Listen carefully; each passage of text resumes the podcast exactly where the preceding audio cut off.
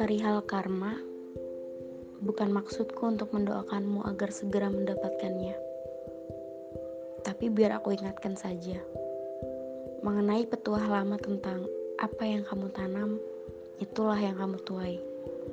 Benih kejahatan yang kau tebar dan sirami selama hidupmu, kelak akan menghasilkan buah si malakama yang nantinya akan kau petik dan nikmati sendiri.